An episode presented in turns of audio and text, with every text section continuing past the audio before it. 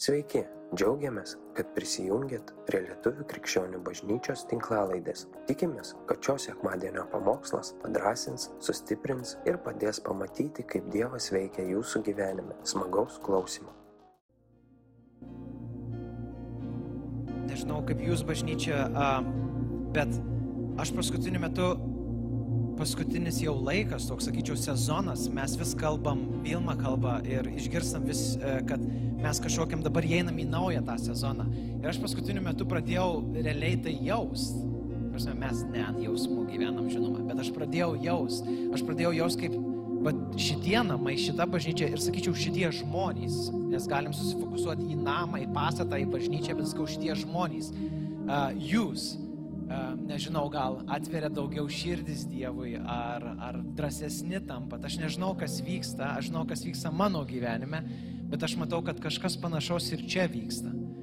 Ir netgi vat šlovinimo metu nuo pat pradžių atrodo dar neprasidėjęs šlovinimas, aš, aš esu priekį, užsieimu kažkokiais savo reikalais. Ir toks, ir toks keistas jausmas, tarsi kažkas kitaip. Tokia ir viduj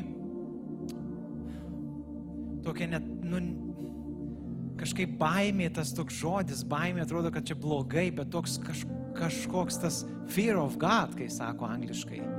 Tokia viduje tu jauti, kad kažkas vyksta, ta prasme, Dievas veikia čia. Ir jisai keičia tą atmosferą, jisai keičia tą žmonių širdis, jisai keičia net tą viską, kas vyksta čia ant senos, netgi sakyčiau. Gal dar akivaizdžiai to nesimatau, bet aš tai jau pradėjau jaus, nežinau kaip jūs. Ir aš sakau, Dieve, daryk tai, daryk tai, daryk, tebūnė tau valia. Kaip danguje, taip ir čia, žemėje, mūsų gyvenime. Amen.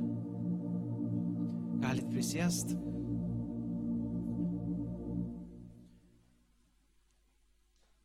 Aš vėl nusistatysiu savo žadintuvą, kad nekalbėt per daug. Labai įdomu, kad kai ruošiausi iš tam pamokslui, ne, nemaščiau vat, būtent taip ir nežinojau, kad bus ir, ir tas žemės drebėjimas ir, ir dar kažkas, bet viskas, kas vyksta, aš kaip jau esu nekartą minėjęs, toks taip atrodo, kad Nu, Dievas turi kažkokį planą ir jisai įveda jį. Atrodo, net nesistengia kažkaip įšokti į tą planą, jisai kažkaip įveda jį. Ir, ir tiesiog, būtent šiandien kalbant, nu, jau esu būtent prieš kelis kartus kalbėjęs, kad mes kaip žmonės, nu, mes einam toj kelioniai. Mes turim savo gyvenimo kelionę, mes turim tas aukštumas. Mes, mes turim tuos žaliuojančius slėnius, kaip 23 psalmė sako, tie, tie žaliuojantys slėniai, kur atveda Dievo dvasia mus, tas, tas tylus vanduo, kur taip gera prie jo tu pailsi. Bet toj pačioj psalmė kalba apie mirties šešėlio slėnį. Kalba, kad tas stalas, prie kurio valgom, kur visi taip ir fokusuojamis, o aš valgau prie stalo, reiškia gerai, bet jisai yra priešo akivaizdoj. Tai reiškia ir, tam, ir mirties šešėliaus lėnis, ir priešas jisai egzistuoja. Ir mūsų gyvenimas yra pilnas ir tų gerų akimirkų, tų, tų mal, malonių akimirkų, bet ir sudėtingų, pilnų skausmo, sielvarto, netekčių. Ir aš sakyčiau, tos netiktys ir tas sielvartas kiekvienam yra labai skirtingas, kaip sakau, kiekvienas žmogus turi savo, savo tą individualią kelionę. Bet Kažkam šiandien skauda, nes ant jo šeimos sugriuvo pastatas. Kažkam šiandien skauda, nes buvo uždarytas Blackvalio tunelis. Bet aš realiai, nes mes galim sakyti, va, jo, tenai, va, tenai yra tikras skausmas. Bet aš nesumažinu to skausmo, kurį mes patiriam čia.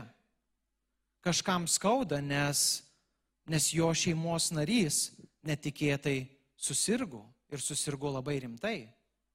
Ir tai nėra mažesnis skausmas negu kažkam kažkur tenai. Bet jeigu tai lieka tik tais tiek, jeigu tai yra tik tas skausmas ir mes pasiliekam, gyvenam tam skausme, tai mūsų kelionė tada tampa tokia, nu, labai tamsi.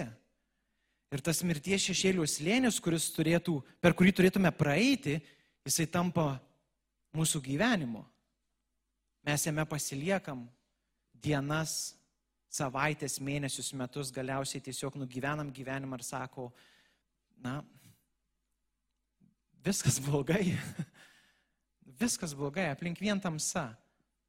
Sistemoje tamsa, visur tamsa, aplink tamsa, aplink mane žmonės blogi, vis, viskas, viskas, viskas blogai. Bet taip neturėtų būti. Taip neturėtų būti. Ir vėlgi čia nieko naujo, nes, pažiūrėjau, psalmė, mes kai skaitom autorius, man 13 psalmė, va, kaip jisai sako, kiek ilgai viešpatį. Kiek ilgai? Kiek ilgai mano šeimoje tai vyks? Kiek ilgai mano darbdavys taip elgsis? Kiek ilgai man nesiseks? Nejau amžinai mane užmirši. Nejau amžinai mane užmirši. Kiek ilgai slėpsi savo veidą nuo manęs?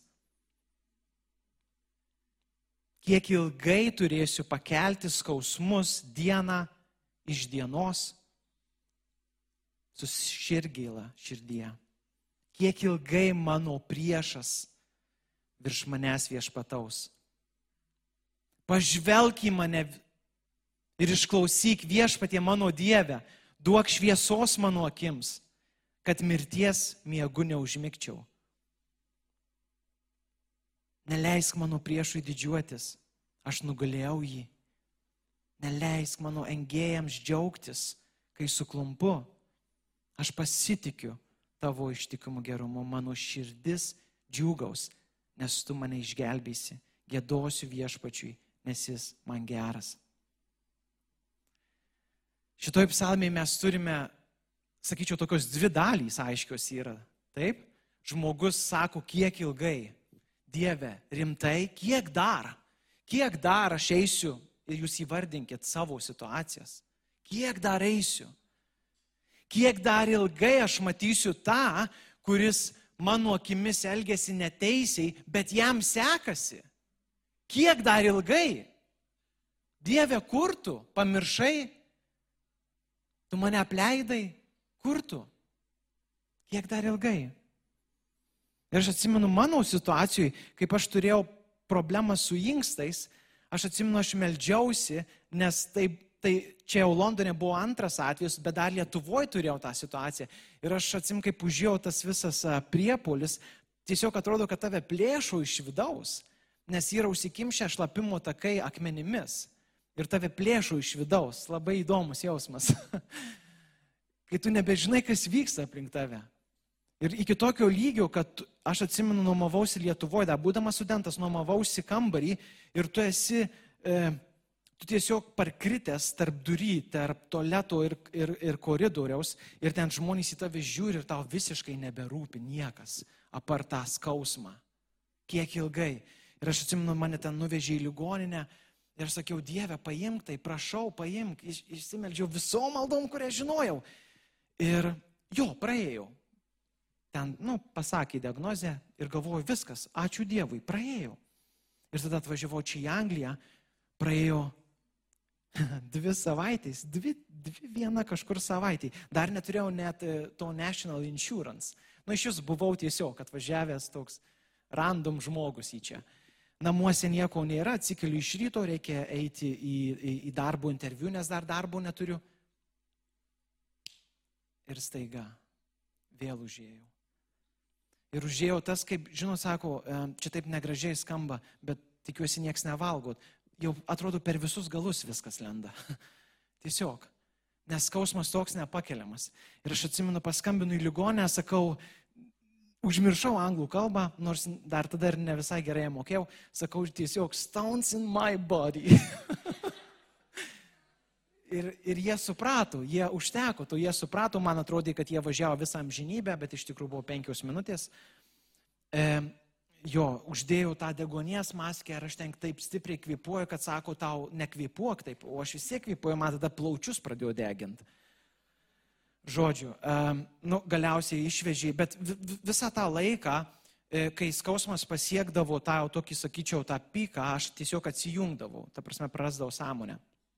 Bet kol buvau sąmonė, uh, aš meldžiausi Dievę.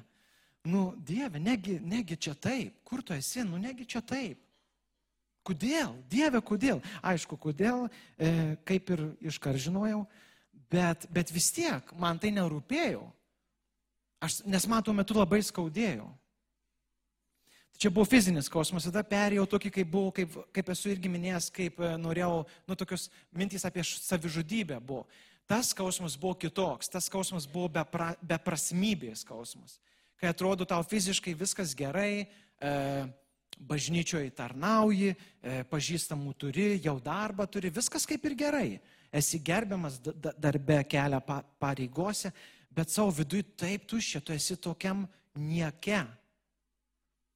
Aplink vien tamsa, tu nesupranti, kas vyksta. E, girdi, girdi, kaip kiti žmonės gyvena, geri, blogi, nesvarbu. Ir atrodo, jie turi gyvenimą, tu jo neturi. Jie kalba apie kažkokius pasiekimus, laimėjimus, o tau atrodo, kad tavo gyvenime vien pralaimėjimai. Ir man kalbėjau žmonės, man vidai, čia tas, tas, tas, ir tu nematai, tau uždengta, tu tiesiog nematai.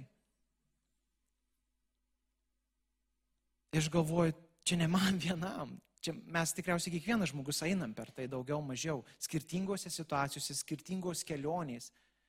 Kaip sakau, vienam, vienam yra skausmas e, e, kažkieno netektis, kitam e, skausmas, nes sumaišiai kavą kostui.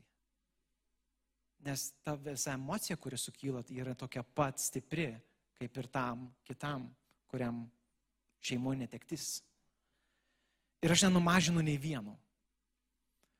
Ir šiaip nori, dabar uh, tiesiog noriu, kad mes visi kartu pasižiūrėtume į, į Juozapo istoriją. Kas žino apie Juozapą? E, Senajam testamente pradžios knygoje buvo toksai sapnuotojas Juozapas. Pakelkite rankas, kas žino. Ok, Tai vis tiek reikia skaityti tada. a, tai gerai, pradžios knygoje. Va, turim, a, aš taip šokinėsiu, tiesiog ne, vis, ne viską skaitysiu, bet e, tam tikrus momentus, į kuriuos pasfokusuojusiu. Tai žodžiu, buvo toks e, Jokūbas, žinot, Jokūbas, sako, Jokūbo, ten Abromo dievas, buvo Jokūbas ir čia jo yra sūnus. Ir jisai gyveno su broliais.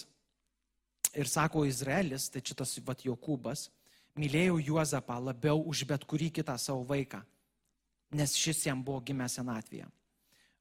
Jis, jam, jis buvo jam pasiuvęs e, puošnų apdarą su rankovėmis.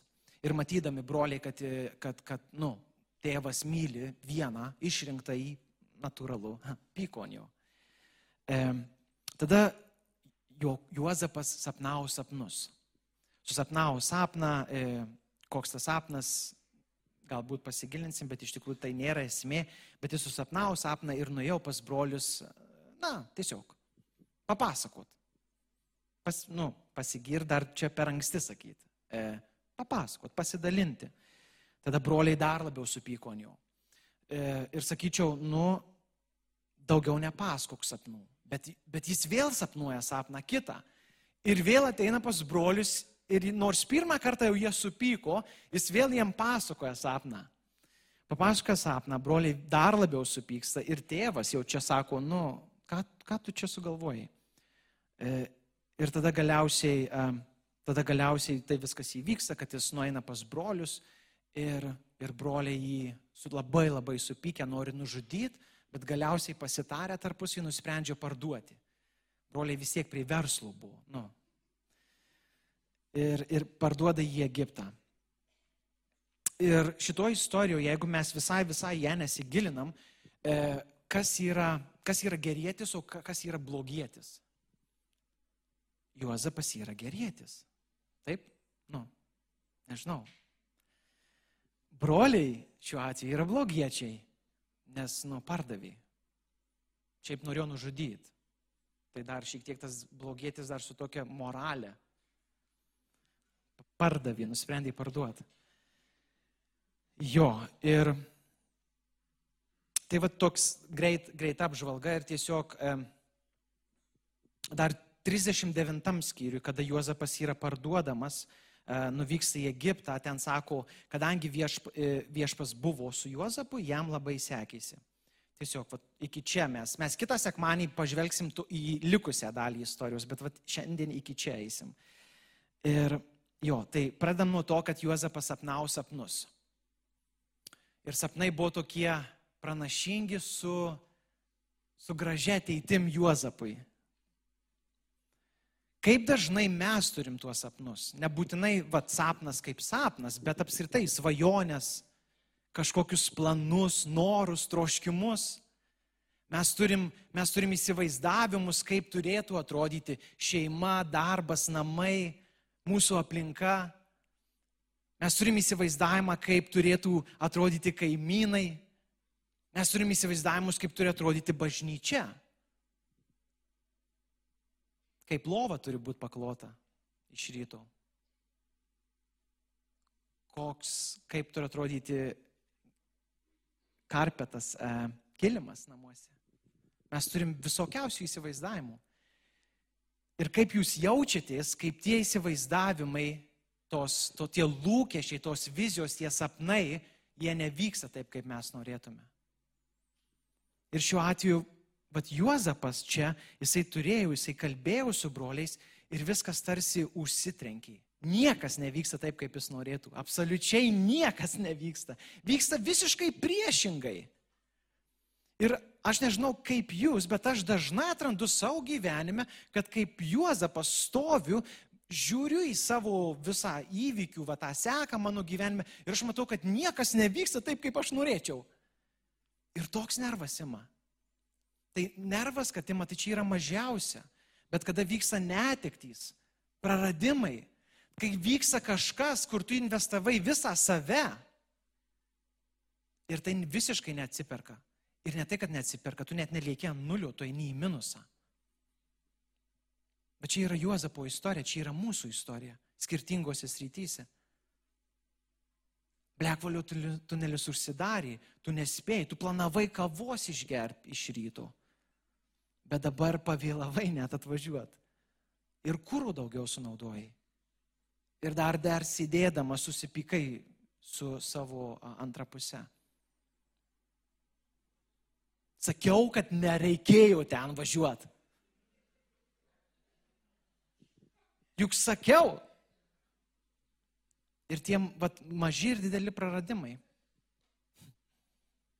Ir dar kas įdomiausia iš to istorijoje, Juozapas, kai tėvas dar prieš jį parduodant, tėvas siunčia jį pas brolius ir jisai eina į tam tikrą vietą, kur buvo pasakyta, kad jo broliai yra. Ir jis į ten nueina ir neranda brolių. Jie kažkur iškeliavo. Ir tada jisai sutinka vyrą, kuris e, klausė, sako, ko ieškai? Na, ir Juozapas papasako, ko ieško, tada vyras jį nurodo jam, kur eit pas brolius. Ir aš toksai skaitau tą vietą ir galvoju, kaip čia supras, ta prasme, iš kur tas vyras, kas čia, ka, istorija kaip ir istorija, normali istorija, kažkoks vyras atsiranda vidury laukų ir apie jį parašyta. Ir, ir man, man tokios įvairios mintys atėjo ir aš kažkaip galvojau, čia kažkas paslėpta.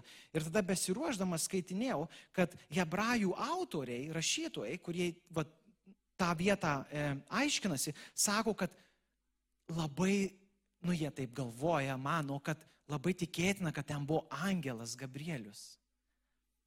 Wow. Angelas Gabrielius realiai do, e, Juozapą nuveda į, į vergystę. Na, į skausmą, tiesiog, tiesiai šviesiai. At pats Dievas, kuris geras, mylintis, rūpinasi, teikia mums malonę, nuveda mus į skausmą. Aleliuja. Aleliuja. Tikrai, kad aleliuja. Ir, ir, ir aš nežinau, ar Juozapas uždavinėjo tą klausimą, kas čia vyksta, bet aš, gal, aš save atrandu ir aš manau, kad mes tyliai ir garsiai, kartais net patys nesuvokdami, mes esam tose situacijose ir mes taip jaučiamės Dievę. Aleliuja. Čia tu mane atvedėjai ten.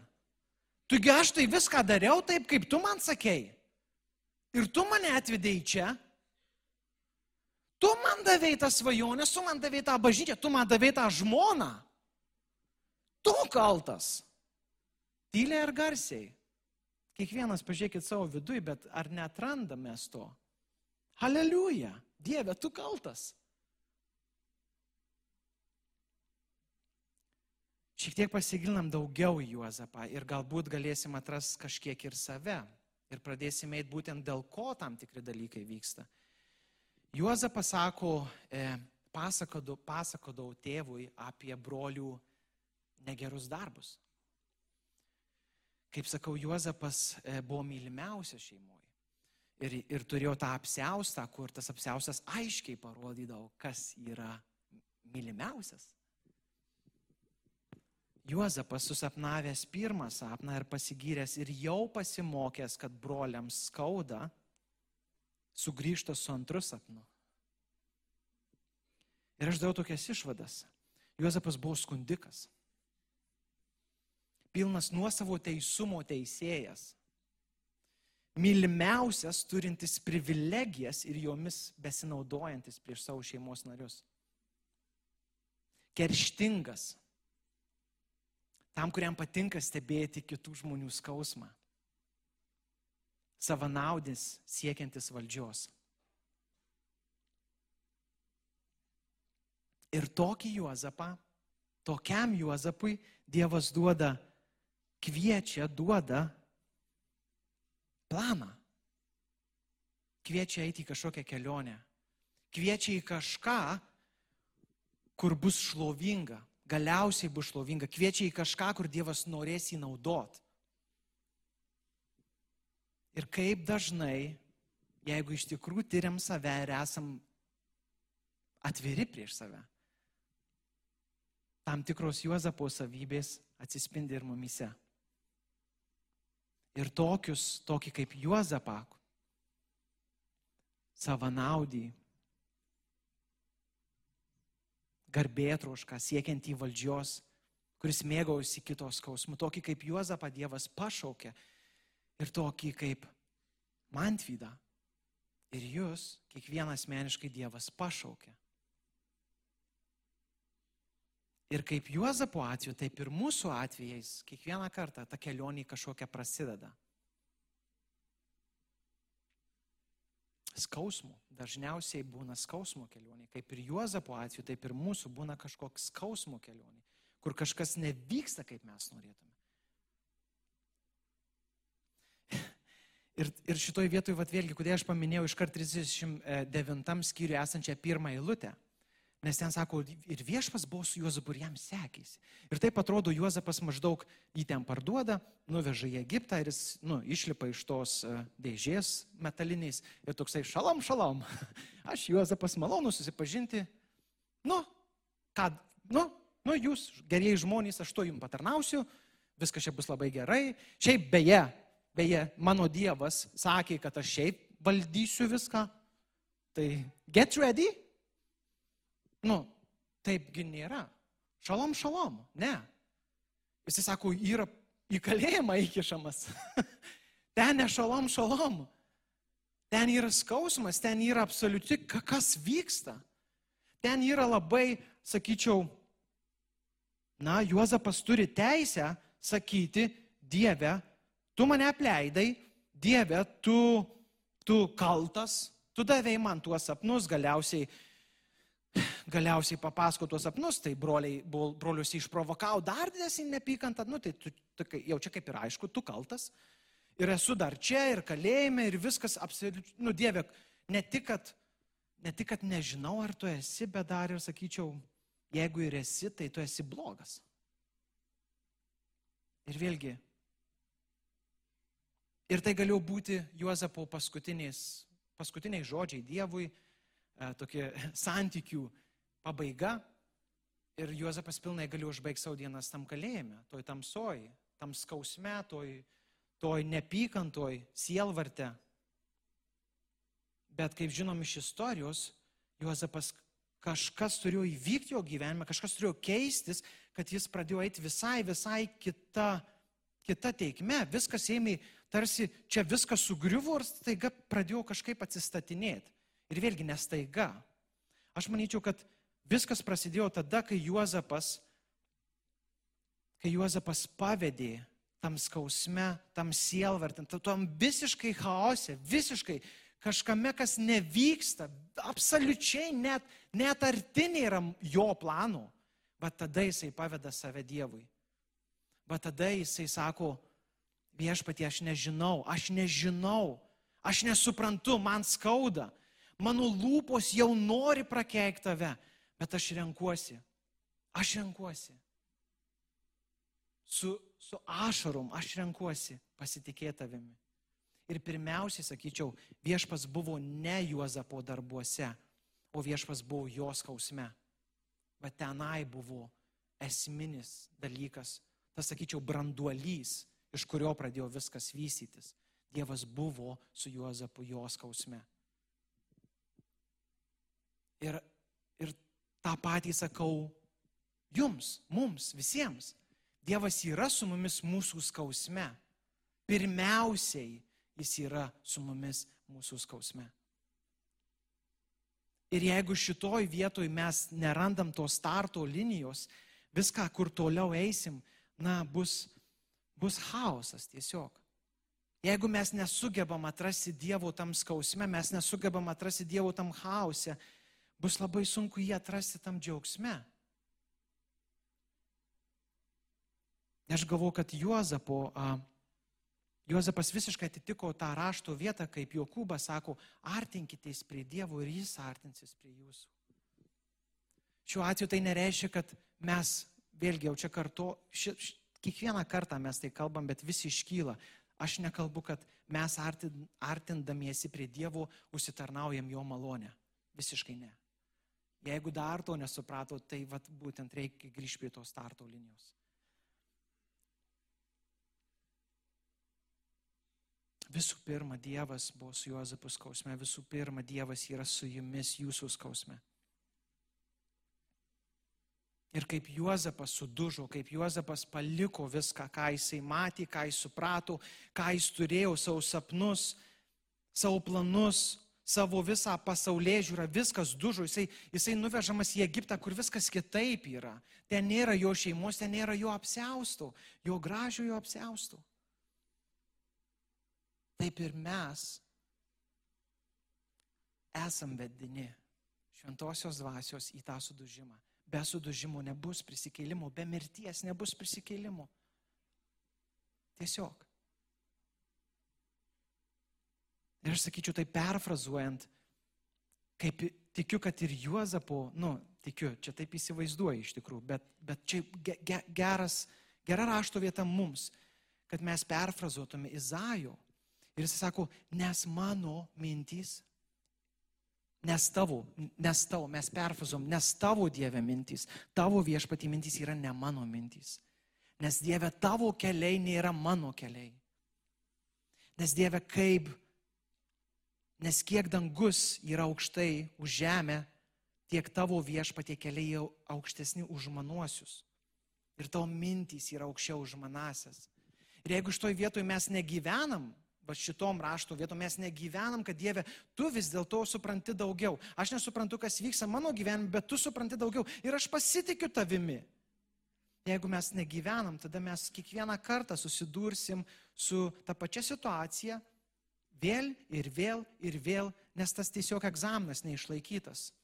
Tavęs Dievas negali vesti toliau į tai, ką Jis yra tau paruošęs, nes tu kiekvieną kartą dar sustoji ties ta vieta, kur yra tas, nu, egzaminas, kažkoks vėlgi, skau, didelis, mažas, gal kažkam du kart du, kažkam gal yra algoritmus išspręsti. Kiekvienas einam savo kelionį skirtingai, bet jeigu toj vietoj mes neišlaikom, mes vėl grįžtam, mes vėl grįžtam, mes vėl grįžtam.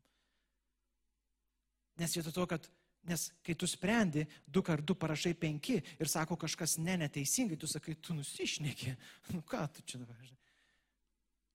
Nes aš žinau, e, e, kadangi turiu, turiu artimus e, jaunesnius ir aš atsim dar prieš kelis metus, kiekvieną kartą, kai gaudavau e, tas artimas e, prastesnį pažymį mokykloje, tai ne jisai buvo kaltas.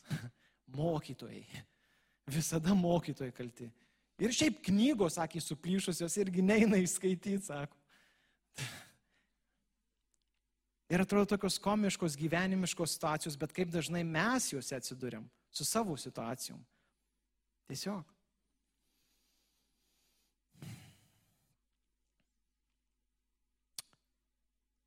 Jo. Ir tiesiog pabaigai, trumpai šiandien, nežinau kiek čia trumpai, bet aš matau tik vieną. Juozapas galėjo pasilikti ir numirti vidum greičiau negu fiziškai, toj tamsoj, tam sielvarte, toj gyvenimo skylėj, į kurią jis įkrito. Jis galėjo ten pasilikti, jis galėjo numirti. Mes pasilikdami sielvartės skausme, pyktyje, mes galim numirti savo vidui. Fiziškai dar vis su šypsena, kaukiais pavydalu vaikščiodami. Bet viduje jau seniausiai su numirę. Bet kaip Juozapas nepasiliko toj skylė, taip ir mes esam kviečiami Kristos nepasilikti toj skylė. Ir labai įdomu, kaip toks pirmas simbolis, šiaip ne pirmas, bet toks labai ryškus. Atkreipkite dėmesį, kad nuo Juozapo yra nuimamas tas apseustas pačioj pradžioj. Ir tada broliai jį dar sutepa krauju ir nuneša tėvui. Koks galingas simbolis. Senas kūniškas aš. Tas senas mano apdaras, kur, kurį aš visada laikiausi ant savęs, kuriuo aš pats savo buvau geras, gražus, o galbūt ir nekenčiau savęs, buvau pats savo supuvęs ir kiekvieną dieną savo kaltinau, yra nuimama. Kristus nuima tą, nuima tą seną apsiaustą, ar kaip sakau, kaip simboliška, jisai yra sutepamas krauju. Kristus mus apvalo savo krauju. Paulius kalba, sako, nusivilkit tą seną žmogų. Nes, nes, nes jums buvo suteikta ta malonė, nusivilkit seną žmogų, palikit seną žmogų su visais jo įnoriais, su visais dalykais, kas ateina iš tamsos ir apsivilkit, sako, naują. Ir čia mes šokinėm tūkstančmečiai, mes šokinėm nuo pradžios knygos į, į Naująjį Testamentą, į laiškus Paulius, ta pati žinia, ta pati žinia, nusivilk seną, apsivilk naują. Dievas tau suteikia, Kristus tau tai suteikia. Klausimas, ar tu tai padarysi? Ar tu pasiliksi tamsoje, pasiliksi sielvartę? Ar stosiesi, kelsiesi, sudužęs, visas apverktas, apverkęs savo gyvenimą, galų gale netgi ir keikęs viską aplinkui, atsistos ir sakysi Dieve, aš čia, vesk mane, vesk mane, keisk. Aš pasiduodu tavo planui. Nežinau, nežinau, kas vyksta, bet aš pasiduodu tavo planui. Aš pasiduodu tavo planui. Ir galima e, tą video paleisti.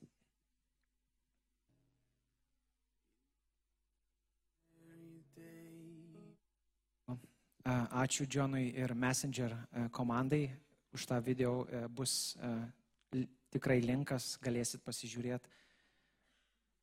Ir aš manau, tai rezumuoja viską, ką aš kalbėjau ir daugiau nieko Daugiau nieko nereikia pridėti. Tiesiog kviečiu, kviečiu būti drąsiems, pripažinti, paleisti, paleisti savo planus, paleisti,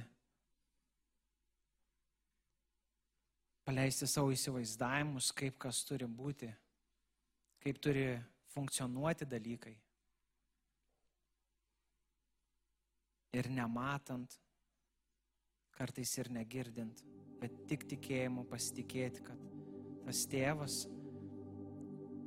kuris, kuris skaičiuoja kiekvieną plauką ant jūsų galvos, tas tėvas, kuris, kuris, kuris atsiuntė savo sūnų, Dievas tapo kūnu.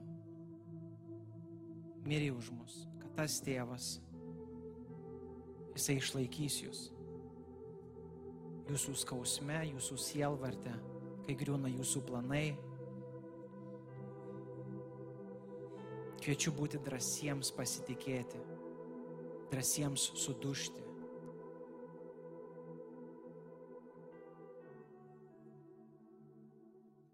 Ačiū, kad klausėte. Tikimės, kad likote įkvėpti. Spausk prenumeruoti, kad nepraleistum kitų įkvepiančių pamokslų. Daugiau apie mus rasite lifeinanchurch.org bei Facebook, Instagram ir YouTube paskiruose.